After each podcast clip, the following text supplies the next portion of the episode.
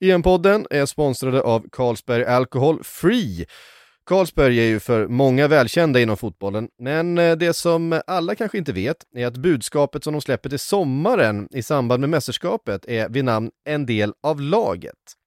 Här vill de visa bredden av alla supportrar runt om i landet, för oavsett vem du är eller vart du befinner dig så är vi alla en del av den blågula väggen. Och för att visa vilka ni är så kan ni gå in på endelavlaget.se. Det är alltså en del av laget i ett ord, .se. Och dela er bild, för tillsammans så kan vi då heja fram våra landslag i sommar. Tack till Carlsberg Alcohol Free. Aftonbladets EM-podd är sponsrad av tjänsten Mindler. Och Mindler, det är en digital tjänst där du som upplever psykiska besvär snabbt och enkelt kan boka ett videobesök med legitimerad psykolog. Mindler startades eh, med visionen att alla ska ha möjligheten att träffa en psykolog på lika villkor, oavsett var du bor eller vilka ekonomiska förutsättningar man har. Och med över 300 psykologer är de idag Sveriges största digitala psykologmottagning och erbjuder hjälp på över 20 olika språk. Du får själv välja vem du vill prata med för att hitta en psykolog för just dig. Hos Mindler slipper du långa väntetider och är garanterad en tid inom 24 timmar och ett besök. Det kostar 100 kronor och frikort gäller. På Mindler kan du även jobba med självhjälpsprogram, så kallade IKBT-program. De här kan du utföra på egen hand eller tillsammans med den psykologledda behandlingen och finns för olika problemområden som eh, till exempel ångest och stress. Vill du veta mer om Mindler så kan du läsa mer på deras hemsida mindler.se eller ladda ner appen för att boka ett besök. Finns där appar finns.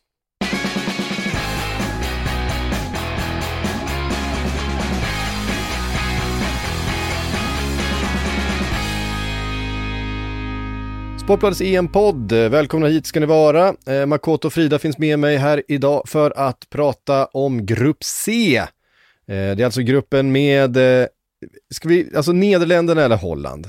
Jag blir... Nederländ... Nederländerna är det korrekta enligt TT-språket. Nej, men Holland säger vi ju på, på Sportbladet, har vi ju bestämt när det handlar om fotboll. Det. Fast Holland är en del ja. av Nederländerna. Ni hör ju... det, det, bestämdes, det bestämdes under VM 2018. Jag minns mycket väl mejlet som skickades ja. ut. Så att jag tycker ändå vi kör på Holland. Ni hör ju hur glasklart det är. Eh, men vi kör på Holland. Jag, jag gillar också Holland. Ja. Jag tycker det är roligare att säga. Två mot en, då får jag säga Holland också. Eh, Holland som dessutom då är värdland för den här här gruppen eh, som eh, innehåller Holland, Ukraina, Österrike och Nordmakedonien, en debutant i de här sammanhangen. Underbart att Nordmakedonien är med. Det är ju det, är ju det som är glädjen med Nations League enligt mig, att vi får ett av de här lagen som aldrig någonsin hade lyckats ta sig igenom ett vanligt kval till ett EM. Det är det enda glädjebeskedet med att Nations League finns tycker jag. Och då Nordmakedonien som då vinner vad är det, D-divisionen och tar sig in då i turneringen genom det kvalet, slog vi Georgien där i slutet om jag inte minns helt fel. Det är fantastiskt att se Goran Pandev, veteranen, äntligen få spela ett EM, bara en sån sak. Mm. Vi... Jag, tror inte, jag tror inte att alla håller med dig dock i det där. Att det skulle vara så positivt att, man, att en av de här blåbärsnationerna kommer med. Alltså jag tycker, jag håller med om att det är fantastiskt att se att de får chansen till något som antagligen inte hade varit möjligt annars. Och de har ju faktiskt, de gick ju vann mot Tyskland för inte så länge sedan så att det är inte så Nej. att de är helt out of place. Mm. Men men ja, det är lite det, hårt att kalla dem finns... blåbärsnationen då. Jo, jo, ja, jo, jo möjligtvis. Men, ja, men, precis. men de hade ju inte tagit men, sig vidare men, annars. Men vi, ja, men, ja, vi kommer Men för, viss, för, vissa så är, för vissa så känns det väl kanske orättvist ändå att man ska kunna ta sig in, eh, alltså via via Nations League. Vissa vill ju ha de bästa lagen. Det blir ju på bekostnad av eh, typ ett Norge eller eh, något sånt. På tal om de bästa lagen. ja men så som Norge ser ut nu så skulle de väl kunna eh, aspirera på att vara bättre ja. än eh, i alla fall ett gäng av länderna som faktiskt är med. Absolut, så är det ju och det är ju ett fiasko för Norge med den truppen att inte ta sig till mästerskap just nu. Så mm. det måste man ändå säga med de spelarna de har. Ja. Men alltså rakt över, det ska ju vara det möjligt. Sör, det är Sörlott du tänker på då framförallt va? Ja, framförallt Haitham Sami tänkte jag på, ytterbacken, kör han fortfarande? ja. finns säkert en flobrorsa eller kusin eller någonting kvar i, i eh, kulissen också. Mårten Gamst Pedersen, vilken mm. fot han hade ändå, en gång i tiden. Vi, eh, vi startar väl av med att prata om värdnationen Holland, eh, som såklart är favorit eh, att ta hem den här gruppsegen. Det är inte ett Holland som eh, är sådär liksom översållat av världsstjärnor. Eh, deras kanske största stjärna, Virgil van Dijk, eh, finns ju inte med, varit skadad hela säsongen. Meddelade där för ett par veckor sedan att han, eh, att han heller inte blir spelklar till EM och det var väl inte speciellt många som hade förväntat sig det. Men det finns såklart gott om eh, kvalitet ändå runt om i det här laget. Vilka namn är det som du i första hand kommer hålla ögonen på? Det, alltså, det finns såklart en eh, eh De Vries, Eh, jag tar nu inte alla spelare här om jag ska nämna. Nej, precis. Depay, de Jong. Ställde frågan och så nämner han nämner själv ja, efter. Svarar han själv på frågan. Vad är det för Vad är det för, vad är det för eh, attityd? Ja, nej. Ja, nej, men precis. Ja, men for, alltså, trots att de saknar van Dijk så finns det ju såklart kvalitet där. Alltså inte minst alltså, vi, om man tittar på mittbacksparet med De Vrij och De Ligt mm. som ju eh, ja, som är minst sagt fullgodiga ersättare om man nu ser så beroende på vem som hade spelat om van Dijk inte var där. Och sen finns det ju riktig kvalitet på centralt mittfält med de Jong inte minst. Um, vi har ju även um, Vinaldum som uh, kan trycka sig in där också.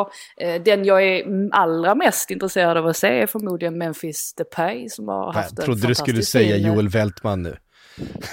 ja, i och för sig. Jag är ju svag, jag är ju svag för Fältman. Det är, det är jag helt klart. Men Depay han har ju sprutat in mål ju i, i Ligue A för Lyon. Så att de har ju ett fint lag. Det är väl mest att det alltid känns lite, lite osäkert ändå med, med Holland nu på sistone. De har ju sina, sina toppar och dalar som är ganska så extrema, vilket det inte minst indikerar då att de faktiskt inte har varit, um, att de inte har spelat de två senaste turneringarna. Mm. Uh, men det är väl lite det man, man landar i och att De Boer ju faktiskt är ganska så ny med tanke på att turneringen blev uppskjuten och Koman lämnade för Barcelona. Eh, de Boer som, eh, han är inte sådär jättepopulär i Crystal Palace-svängar men han har ju fortfarande hög status i, i Holland så att eh, det ska ju bli spännande att se vad de kan göra i detta 4-3-3 lär han väl applicera. Men det här, det här är ju på något sätt deras chans att ta sig tillbaka till det Holland som vi minns. För att när de missade då att kvala in till EM 2016, det var ju första gången sedan 80-talet de missar att ta sig till en stor turnering. Eh, om jag inte minns. Eller till, första gången sedan 80-talet missade att ta sig till EM åtminstone. Sen efter det också bränner VM-biljett därefter, alltså två raka mästerskap utan Nederländerna. Holland menar jag naturligtvis då, eftersom att vi är i Aftonbladet podd här. Eh, och de, det här är ju viktigt för dem på så sätt att verkligen visa att vi hör hemma och att vi fortfarande är ett topplag. Men om man tittar på pappret, det är ett ganska bra lag. Det är svårt att sätta någon, som du säger Frida, svårt att sätta någon prägel på Frank de Boer riktigt och hans gärning än. Det finns ju ups and downs i det här laget, men om man bortser från de absolut mest tyngsta, mest kända namnen också, truppen i sig känns ganska bred. Bara titta på mittfältet med som som Martin Deron, väldigt underskattad spelare som spelar i Atalanta vanligtvis. Vi har ju Donny van de Beek också, säkert otroligt taggad efter att ha suttit och nött bänk för det mesta United under säsongen. 19-åriga Gravenberg, jättespännande ung mittfältare från Ajax. Sen är jag livrädd för att de kommer starta med Luke de Jong på topp, för jag tycker Luke de Jong, jag förstår inte riktigt storheten i honom. Ja, han gör mål i vissa viktiga matcher ibland, men överlag så är han ju bara trött. Det är en trött version av, alltså han är en target, jag brukar gilla targets, men Luke de Jong, nej. Alltså av det man sett i Sevilla, nej, byt ut honom, hitta någon bättre forward. Sen gör han ju säkert 5-6 mål i turneringen och vinner skytteligan bara för att jag sitter och säger det här. Men det ska bli intressant att se vil- hur han formerar den där offensiven också när han har Depay så tillgänglig men också har spelare som de Jong och Wout Weghorst lite mer ja, orörliga, lite mer targetaktiga anfallare och sen dessutom Daniel Malen, Bergi och Kinsey Promes och så vidare. Det finns ju spelare, liksom ganska bra blandning av offensiva spelare också så det ska bli spännande att se vad de kan hitta på. Mm. Jag håller ju faktiskt inte med riktigt tror jag om att de har en sådär jättebred trupp. Jag tycker snarare att det är en av deras svagheter. Alltså tar man bort en av de mest, ja alltså en av de, de bättre spelarna i startelvan så är det ju inte sådär jättemycket att komma med tycker jag. Alltså jag tycker att det är en av deras, deras de svagare bitarna med det här Holland. För, för vi får komma, komma ihåg det också att den här turneringen kommer säkert bli ganska unik i att man har 20, 26 spelare att tillgå. De flesta eh, lagen man kan nästan räkna med avancemang om man är ett av de större lagen med tanke på att vad är det, 66 procents chans att man går vidare som trea till och med i gruppen. Så jag tror att vi kommer få se oerhört kraftig rotering de första matcherna. Får komma ihåg också att det är många spelare här i denna turneringen som har spelat oerhört många matcher under säsongen. Och just om man ser till det så tycker inte jag att Holland imponerar sådär märkbart. Det finns så många andra lag som, som eh, ja, som, som imponerar mer i så fall. Men det är väl klart att det är startelva, där, den är ju väldigt bra. Där är ju många spelare som sticker ut. Ja, onekligen. Och, eh, men det finns ju, finns ju några namn som måste leverera för dem. En, en Frenkie de Jong och eh, Gini Wijnaldum är ju två mm. spelare som de vi, vilar oerhört mycket på och sen eh, framåt Memphis Depay. Eh, om de tre spelarna inte spelar i stort sett varenda minut och dessutom gör det på sin bästa nivå, då kommer det här, det här Holland få svårt att hävda sig. Men om de å andra sidan gör det, då är de ju ett lag som kan utmana och eh, till och med vara med ganska högt upp i, i det här mästerskapet är, är känslan man, man har. Och såklart mittbackarna eh, också superviktiga. Det blir intressant att se hur det här inne mittfältet kommer att agera, för både Frenkie de Jong och Gini Wijnaldum är ju väldigt liksom, när de är som bäst så är de tvåvägsmittfältare. Mm. De är väldigt duktiga på att hitta ytor och chanser även liksom i offensivt straffområde, bra på att jobba hem och så vidare. Frenkie de Jong är ju en ganska unik mittfältare på så sätt att han är ju så otroligt bra i det här att hitta hitta målchanser i straffområden. Det är en väldigt underskattad egenskap hos honom. Samtidigt som han är så pass bollskicklig, så pass trygg, så pass duktig på att diktera tempo att han till och med går ner och spelar mittback i en trebackslinje som han gjort i Barcelona eh, stundtals under säsongen. Det ska bli väldigt intressant att se hur De Boer väljer att använda Frenkie de Jong för att vilka egenskaper är det han vill trycka på hos honom? För han är ju Ja, det är ju navet på det här mittfältet. Det är han som är den viktiga dirigenten och alltihopa. Så det ska bli intressant att se. Mm. Eh, och Wijnaldum kommer ju ha en mer eh, offensiv roll i det här eh, laget än vad han har haft i Liverpool under, ja, under egentligen hela sin, sin tid där. Det är väl undantagsmatcher. Här, här ska han ju vara liksom länken nästan mellan, mellan mittfältet och anfallet. I, ofta är liksom en nummer 10-roll eh, han spelat. Här får vi se ifall han då tar plats i en av eh, eh, de, vad man nu ska kalla de rollerna där, de två bredvid då, Frenkie de Jong där Kanske och det, Frenkie är mer balansspelare och Wijnaldum offensivt utmanar mer och kommer in med sina eh, andra vågslöpningar i straffområdet. Och det talar ju för att det blir mer eh, diktera tempot de Jong mm. än skapa målchanser de Jong. Precis. Det man kan då ställa sig frågan till är, vart är stoppklossen? Mm. det känns som någon form av jag vet inte, första namnet som dök upp i huvudet, Danilo Pereira, men det finns ju absolut bättre stoppklossar att hitta på marknaden. Men den, den typen av spelare, någon liksom defensivt lagd som inte tar jo, de där offensiva löpningarna. Klassen lär väl spela lite djupare än de det, andra. Det är väl David, David Klasen som kommer fast, vara där. Fast han är eh, väl inte riktigt den typen av spelare heller. Han är väl ganska lik också, att han gillar ju att gå fram och göra offensiva saker med. Ja, han är också mer en, en, eh, en spelfördelare kanske än en, mm. en, de skulle ha haft en Nigel de Jong kvar. Det skulle de haft, det hade varit helt perfekt.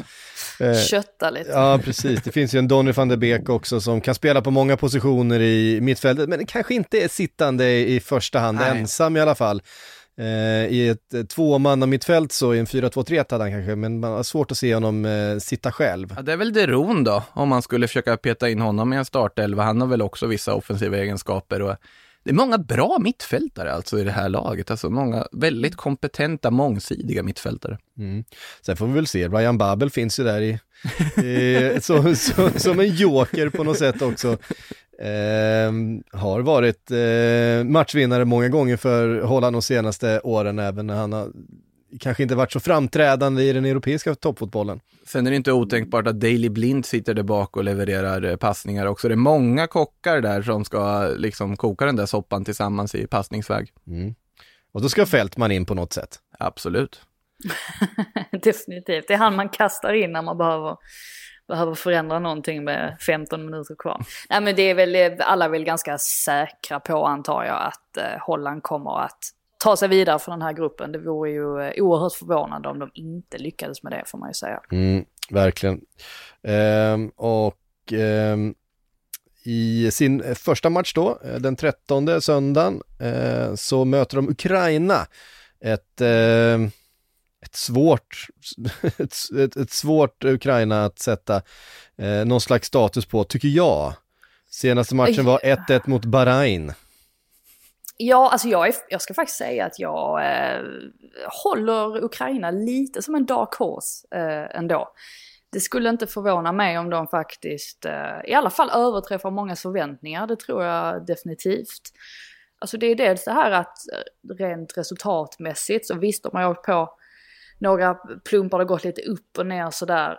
Och nu var ju alltså, eh, kvalspelet var ju ganska, ganska länge sedan nu så man kanske har glömt bort det lite. Men såg ganska bekväma ut där ändå får man säga. Shevchenko har ju han har ju eh, ja, bytt lite eller skiftat formation och taktik lite fram och tillbaka och har väl inte alltid hittat eh, helt rätt. Men eh, jag tycker väl ändå att eh, det är ett ganska bra lag om man ser på, på pappret där. Sinchenko som äntligen får, får spela som central mm. eller som eh, mittfältare istället för, eh, för ytterback eller någon annan obskyr position som Guardiola ger honom. Och det är spelare som Malinowski och eh, sen har man Jarmolenko och jag tycker ändå att det är ändå ett eh, lag som, som imponerar ganska mycket på pappret ändå på mig och som jag tror kanske faktiskt kan, kan överraska lite i den här turneringen. Ja, tidigare har det ju varit väldigt mycket fokus på Jarmolenko och Konoplyanka i det ukrainska landslaget. Vad bra han var en gång i tiden, Konoplyanka.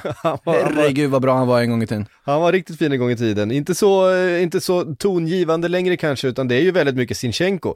Alltså, ska vi, ska vi kalla Sinchenko Europas mest underskattade, liksom, alltså han går ju under radarn, men han spelar ju vecka ut och vecka in för det här Manchester City som vi hyllar som ett av, ja men kanske Europas allra bästa lag, även om de förlorar Champions League-finalen nu. Um, Alltså Sinchenko är ju där, han gör jobbet och han har ju ett otroligt förtroende från eh, Guardiola. Ja, ja. Mot, mot slutet i alla fall. Ja, det har ju gått lite upp och ner såklart, men, men så kommer han är ju ung. Ja, alltså säsongen har ju, sett, har ju varit lite konstig på det sättet för Man City. För att en sån som Cancelo har ju, har ju faktiskt knappt spelat nu de senaste veckorna. Vilket ju är oerhört förvånande med tanke på att han var jätteviktig för dem för inte sådär jättelänge sedan. Men det är väl klart att Sinchenko, han hade ju en väldigt otacksam roll i Champions League-finalen. Det var ju helt fel roll för honom egentligen. Att tanken var att han skulle både vara en sorts ytterback och en defensiv mittfältare. Mm. Det funkade inte riktigt, det var för många, det var för många uppgifter för honom. Men jag håller med om att han är, han är väldigt bra. Och um, ja, det är säkert, alltså om det nu är så, jag vet inte om han föredrar själv, alltså ytterbackspositionen eller att spela mittfältare. Men det brukar väl vara så att spelare föredrar att spela mittfältare. Så att på, på det sättet så, så trivs han säkert också eh, med att spela för eh, landslaget. Och som sagt, det är, det är ett, ganska, ett ganska bra mittfält det här. Eh, verkligen. Ja, alltså man tittar på utanför England där också till exempel Ruslan Malinovski har ju varit en otroligt lyckad värvning för Atalanta när han har varit där. Åtta mål den här säsongen, åtta mål även förra på hälften av antalet matcher. Offensiv poängspelare. Och sen på, i anfallet har vi ju Jaremchuk, anfallaren 20 mål. 1,91 lång. Känns som någon som vet vart målet är, måste vara att det var i den belgiska ligan, men likväl en formstark spelare som kommer in i det här laget också. Tror också att Ukraina kan överraska många. Man tittar på deras resultatrad så tänker man, ja men det är ju bara förluster och förluster här efter kvalet och som var dess, tvärtom, att då, då var, gick man ju väldigt, väldigt bra i det där kvalet en gång i tiden. Mm. Men man måste också ha i åtanke, de spelade i den svåraste divisionen i Nations League, mötte toppmotstånd hela tiden. Ja, de föll ihop mot Spanien, men de slog också Spanien i en match. De föll ihop mot Frankrike i någon match, men ja, de slog Frank eller de kryssade mot Frankrike senare också. Och sen, alltså kryss mot Finland och Bahrain är väl inte, det är inte det man vill ha med sig in i ett mästerskap direkt kanske, men det, jag tror ändå också att vi ska absolut inte räkna bort Ukraina.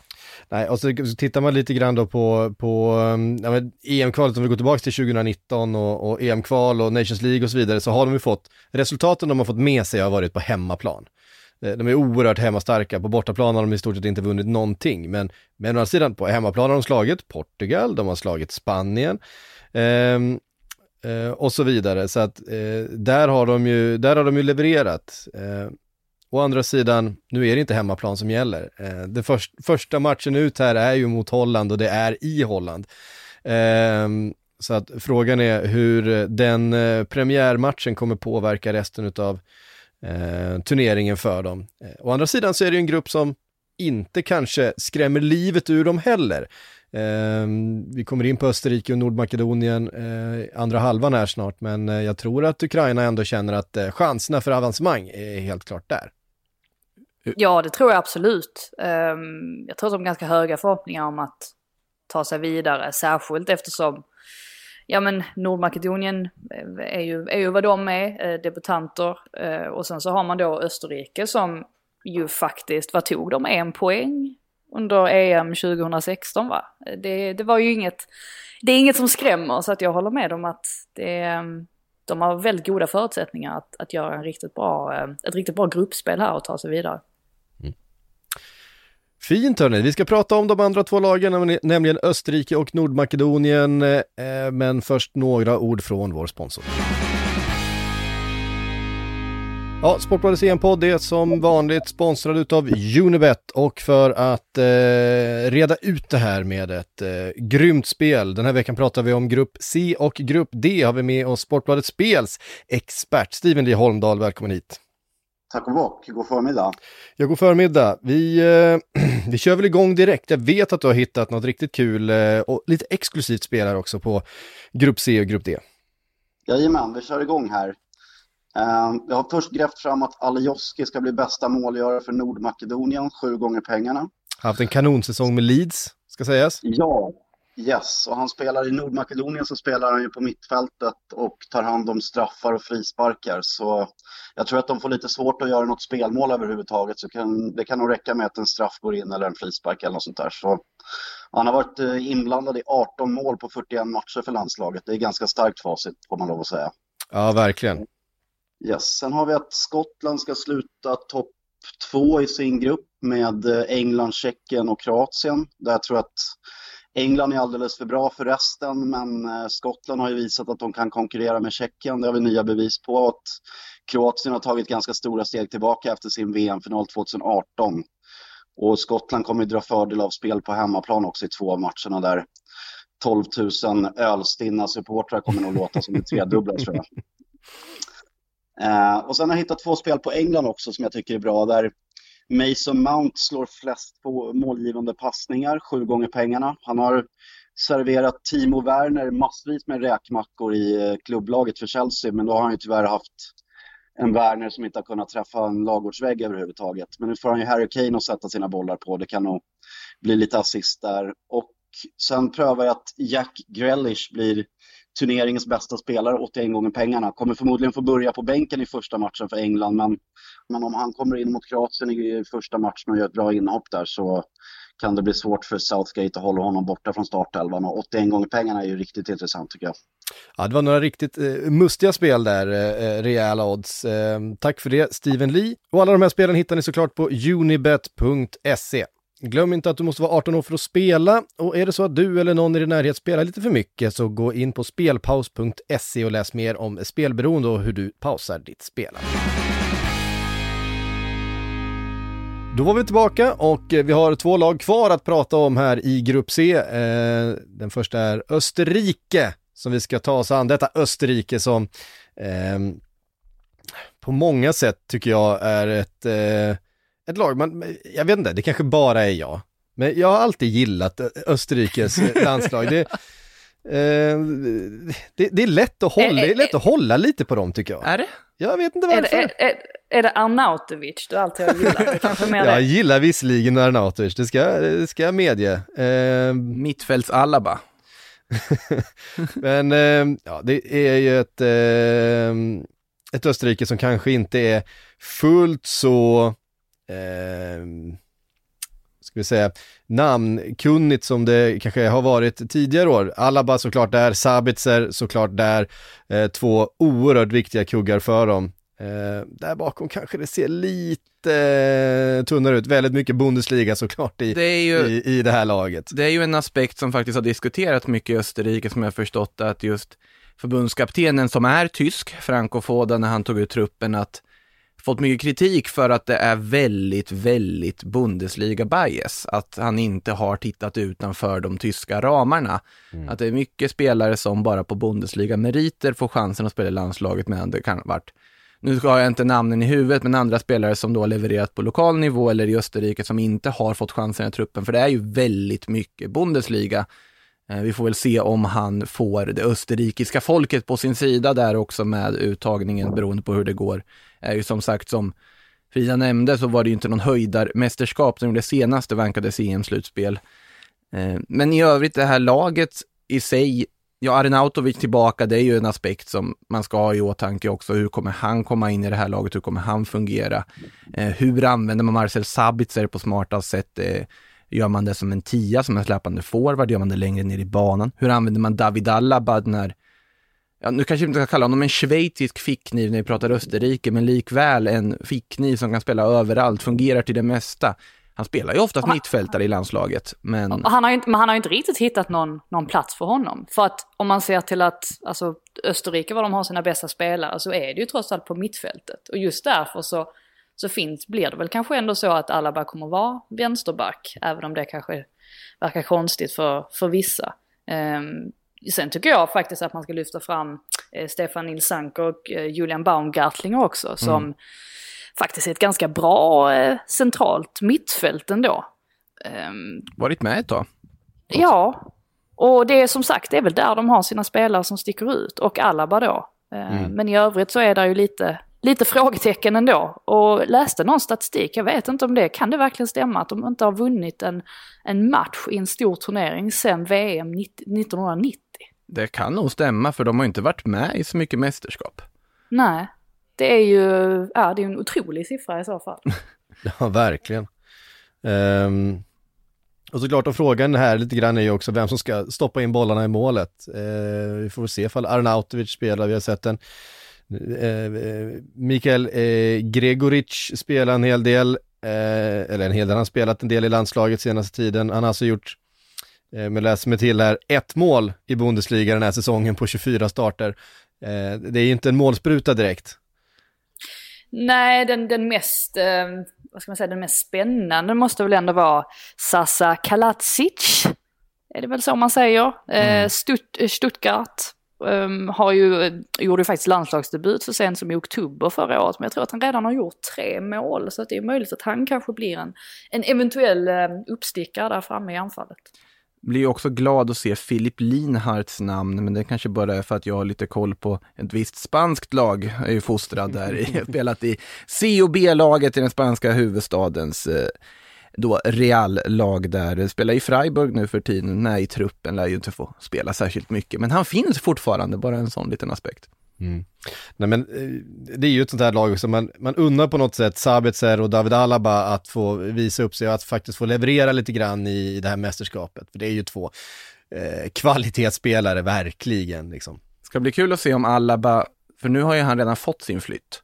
Mm. Eh, han har ju redan gjort klart och han är presenterad för Real Madrid och drog ut någon video här också där han håller på att försöka lära sig spanska. Det låter inte jätteövertygande kanske. Men eh, hur mätt kommer han vara? Hur, mycket kommer han titta mot en stundande ligasäsong och sin nya utmaning? Har han liksom, känner han att det här är ett läge att visa att han också är hemma i Real Madrid eller känner han sig redan säker på sin plats i Madrid? Det är en aspekt. Sabitzer för hans del, då kan det vara en ganska stor flytt. Det, det har ju pratats om mm. Tottenham, Arsenal och så vidare tidigare. Det är en otroligt kompetent mittfältare, otroligt underskattad skulle jag säga också. Sett till vad han betyder för Leipzig, sett till mångsidigheten han har. Här används han som sagt mycket mer offensivt än vad han gör i klubblaget. Nästan som en anfallare oftast. Mm. Ehm. Det är samma, ska jag säga, som David Alaba som ju eh, mer eller mindre är liksom ja. en, en, en ytteranfallare i landslaget när han är, eh, egentligen kanske är en ytterback med defensiv mittfälts eh, Idag är han väl en mittback. Det är, det är det som är så sjukt med David ja. Alaba, att man vet ju inte vilken position han har. När jag ska försöka placera in honom i Real Madrid en säsong, ja det är väl mittback han borde gå in som. Men man vet, man vet ju inte. Nej. Och det är ju det som är intressant. Han kommer inte spela vänsterytter i alla fall. Eh, i Real Madrid. Men- men- det ska du inte utesluta. det ska du Nej, inte och det, och det är väl kanske det man får se också om vi tittar nu, alltså sett till Österrike, att det är ju faktiskt en styrka man har då, att man kan, man kan spela lite olika taktiska system med Alaba, om det nu är det man vill göra, om man vill göra en förändring. Så att där har de ju faktiskt en, eh, ja, alltså man kan flytta upp honom på mittfältet till exempel, eller alltså putta upp honom lite högre, så att det finns ju möjligheter på så vis för dem i alla fall, eller för, för Frank att få det. I den trupp jag tittar på så är det alltså fem spelare av 24 som inte spelar i tysk fotboll till vardags. Det, man förstår nästan lite den Nästan reaktionen. värre, än, eh, nästan värre än England och Premier League. Spanien och Premier League menar du? Ja, i och för sig Spanien och Premier League, det är helt rätt. Helt rätt. Bara spelare från Premier League. Ja, nej men så finns det, så finns det också liksom eh, nyttiga sådana här, beredd, alltså eh, Andreas Ulmer till exempel som ju är en otroligt rutinerad, 35 år gammal, eh, spelat eh, många säsonger då för ehm, eh, Red Bull Salzburg. Ehm, kommer vara eh, viktig och en sån där spelare som i ett mästerskap alltid man kan liksom på något sätt lita på vad man får, eh, får från. Fast han spelar ju i Salzburg, han kommer inte starta. Det är ju bara Bundesliga-spelare som får starta. Hint, Hinteregger, Leiner, tänker jag, är två andra. Intressanta försvarare, så har vi ju Dragovic dessutom, Leverkusen-backen. Det är nog- Om man tittar på försvarsspelarna så är det Leverkusen, Bayern München, Eintracht Frankfurt, Borussia Mönchengladbach, Trimmel, Union Berlin, Hoffenheim, Freiburg, Werder det, det är, Alltså Bundesliga håller ju en väldigt hög nivå, så det här är Verkligen. ett väldigt bra lag. Ja, det, är, eh, det är det onekligen. Ehm, de ställs i sin första match då mot Nordmakedonien, eh, debutanterna i det här mästerskapssammanhanget. Ett Nordmakedonien med eh, Pandev som vi nämnde i början av eh, podden här, Alioski från Leeds. Eh, det finns lite namn här ändå att, eh, att hänga upp en, eh, en push i ett Europamästerskap på.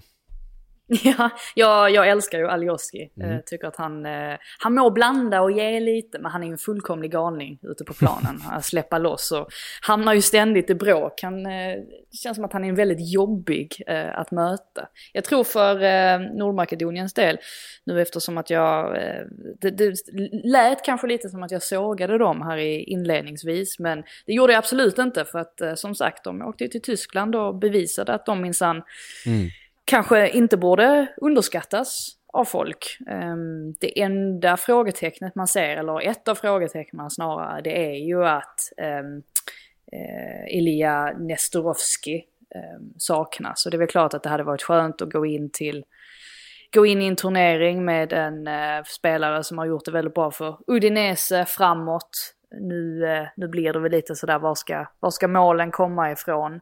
Eh, har ju ändå ett par spelare då förutom Alioski som, ja men Elmas till exempel som har väl gjort det ganska bra för, för Napoli ändå. Valde ju nordmakedonska landslaget framför Turkiet. Tror att båda hans föräldrar är från Turkiet. Det var ju även där han kom ifrån när han, han ledde till, eh, till Napoli. Så att även om man väl, alltså rent realistiskt förstår att Nordmakedonien antagligen kommer att bli det laget som, som ryker, eh, hamnar, eh, möjligtvis hamnar sist då i, i gruppen. Eh, eller alternativ nu när jag tänker på det så det är väl klart kanske att de kan, kanske kan skrälla lite och komma före Österrike. Ja. är det en skräll? Ja. Ja, men det borde väl ändå ses som såklart det är en skräll. skräll. Det är en skräll, men jag ser att det är Ja. ganska öppet bakom eh, Holland i den här gruppen. Alltså, de kan nog ta poäng av varandra de här, eh, Ukra- Ja. Ukraina, Nordmakedonien och Österrike. Eh, och mm, det kan ju också då tyvärr bli en situation där de tar poäng av varandra och att eh, just trean i den här gruppen då inte får tillräckligt med poäng för att ta sig vidare. Det, vi har ju några grupptreor som ska vidare till åttondelsfinal också. Och, och vi får inte glömma Pandev heller ju. Nej, Nej, det Goran Pandev, ja, det, det är så vackert. Vad är han, 37? 37 år nu. 37. Ja, det är så vackert att han ska få spela ett EM och att det sker under tiden han är aktiv. Jag och så tycker- mycket som det är betyder och så mycket som det betyder för det här laget och att de kommer liksom spela för honom och han, alltså vilken roll han kommer ha det här laget. Eh, det är ju riktigt mäktigt faktiskt. Ja, det, nej men alltså, han, alla år man har tänkt på nordmakedonska landslag på den tiden det kallades det makedonska landslag, då är det Goran Pandev man har tänkt på. Det är det som man har kopplat till det här landslaget. Och det är det som gör det så häftigt att han nu ska få spela det här mästerskapet. Andra namn vi inte nämnt är ju Enis Bardi, Levante mittfältare med otroligt fin Alltså fot på fasta situationer och fasta situationer, klassiskt nog, det kan ju vara någonting som blir viktigt när man är en underdog också. Så att Enis Bardi ska ni hålla koll på om ni kan. Och Elmas nämnde du Frida, det är otroligt spännande talang som verkligen kan öka i värde också med ett bra mästerskap. Sen tycker jag det är tråkigt att eh, David Mitov Nilsson inte är med i den här truppen, det måste jag säga. eh, han... ja, det hade varit ett wildcard. Ja, men han har ju ändå spelat landskamper. Nu hade han ju skadeproblem och så vidare, men nu har han ju börjat få speltid, spelar i Sirius nu. Det hade varit kul att se, se Mitov i det här landslaget, att han hade fått eh, chansen här. Är, är han topp fem roligaste fotbollsspelare att intervjua? Det kan, det kan vara så ändå. En otrolig härlig personlighet. Ja, nu är det ju Ståle Dimitrievski istället, Rayo Vallecano-målvakten som är första valet och jag säger ju inte nej till en Rayo-spelare i EM heller så att det, man får väl ta det lilla man får. man säger aldrig nej till en Rayo-spelare. Det gör man absolut alltså, inte.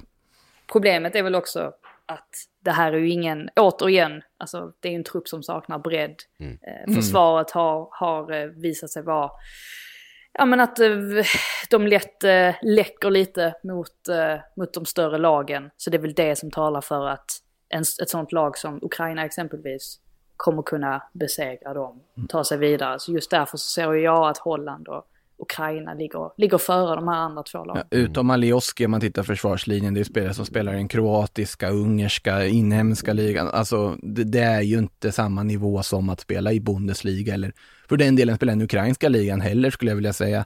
Så uh, nej, det, på pappret så ska de här hamna sist i gruppen, men ett mästerskap är ett mästerskap. Vi vet hur det gick för Island 2016, vi vet hur det gick för Wales 2016. Allt är möjligt Absolut. när det blir ett EM. Att vi kommer och, särskilt, ja. Ja. Mm. och särskilt som att man faktiskt kan hamna trea och ändå gå vidare. Mm. Det är ju det som också gör att det här gruppspelet, gruppspelet känns inte så viktigt i år. Att det är mer som att, det är nästan lite som man brukar sitta i Champions League, att man, man liksom väcks till liv ordentligt först vid, först vid slutspelet. Lite den känslan sitter jag med i alla fall, Men, att allting faktiskt kan hända. Och det är väl ett bra läge att då dra den lansen som man förr eller senare behövde göra i de här gruppgenomgångarna, att det är ju så tråkigt att det är ett 24-lagsmästerskap. Nu ska jag inte vara sån när det börjar ett EM, men det här med att treor går vidare. Vad var fel med 16-systemet? Ja, jag, jag, jag kan hålla med också faktiskt. Det ska vara nära att spela ett EM. Sen tycker jag ändå det är kul att Nordmakedonien är med. Men ändå. Ja, men ändå.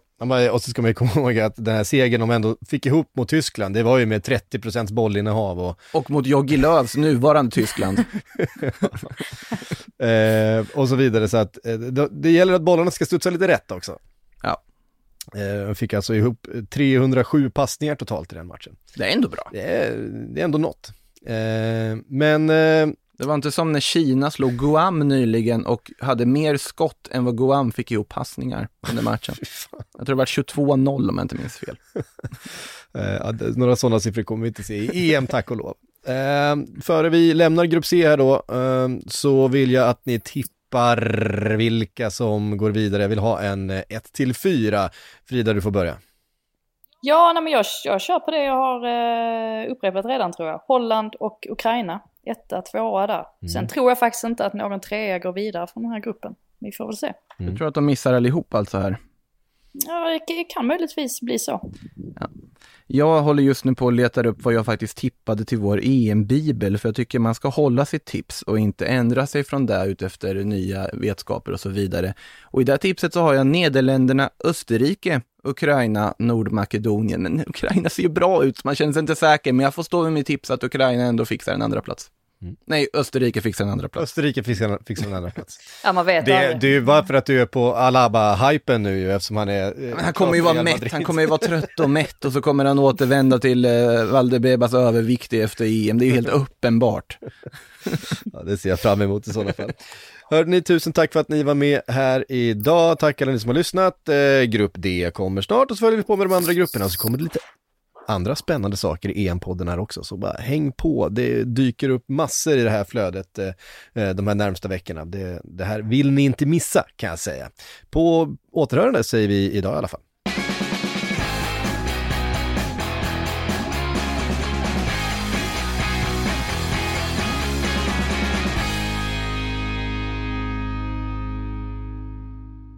Du har lyssnat på en podcast från Aftonbladet. Ansvarig utgivare är Lena K Samuelsson.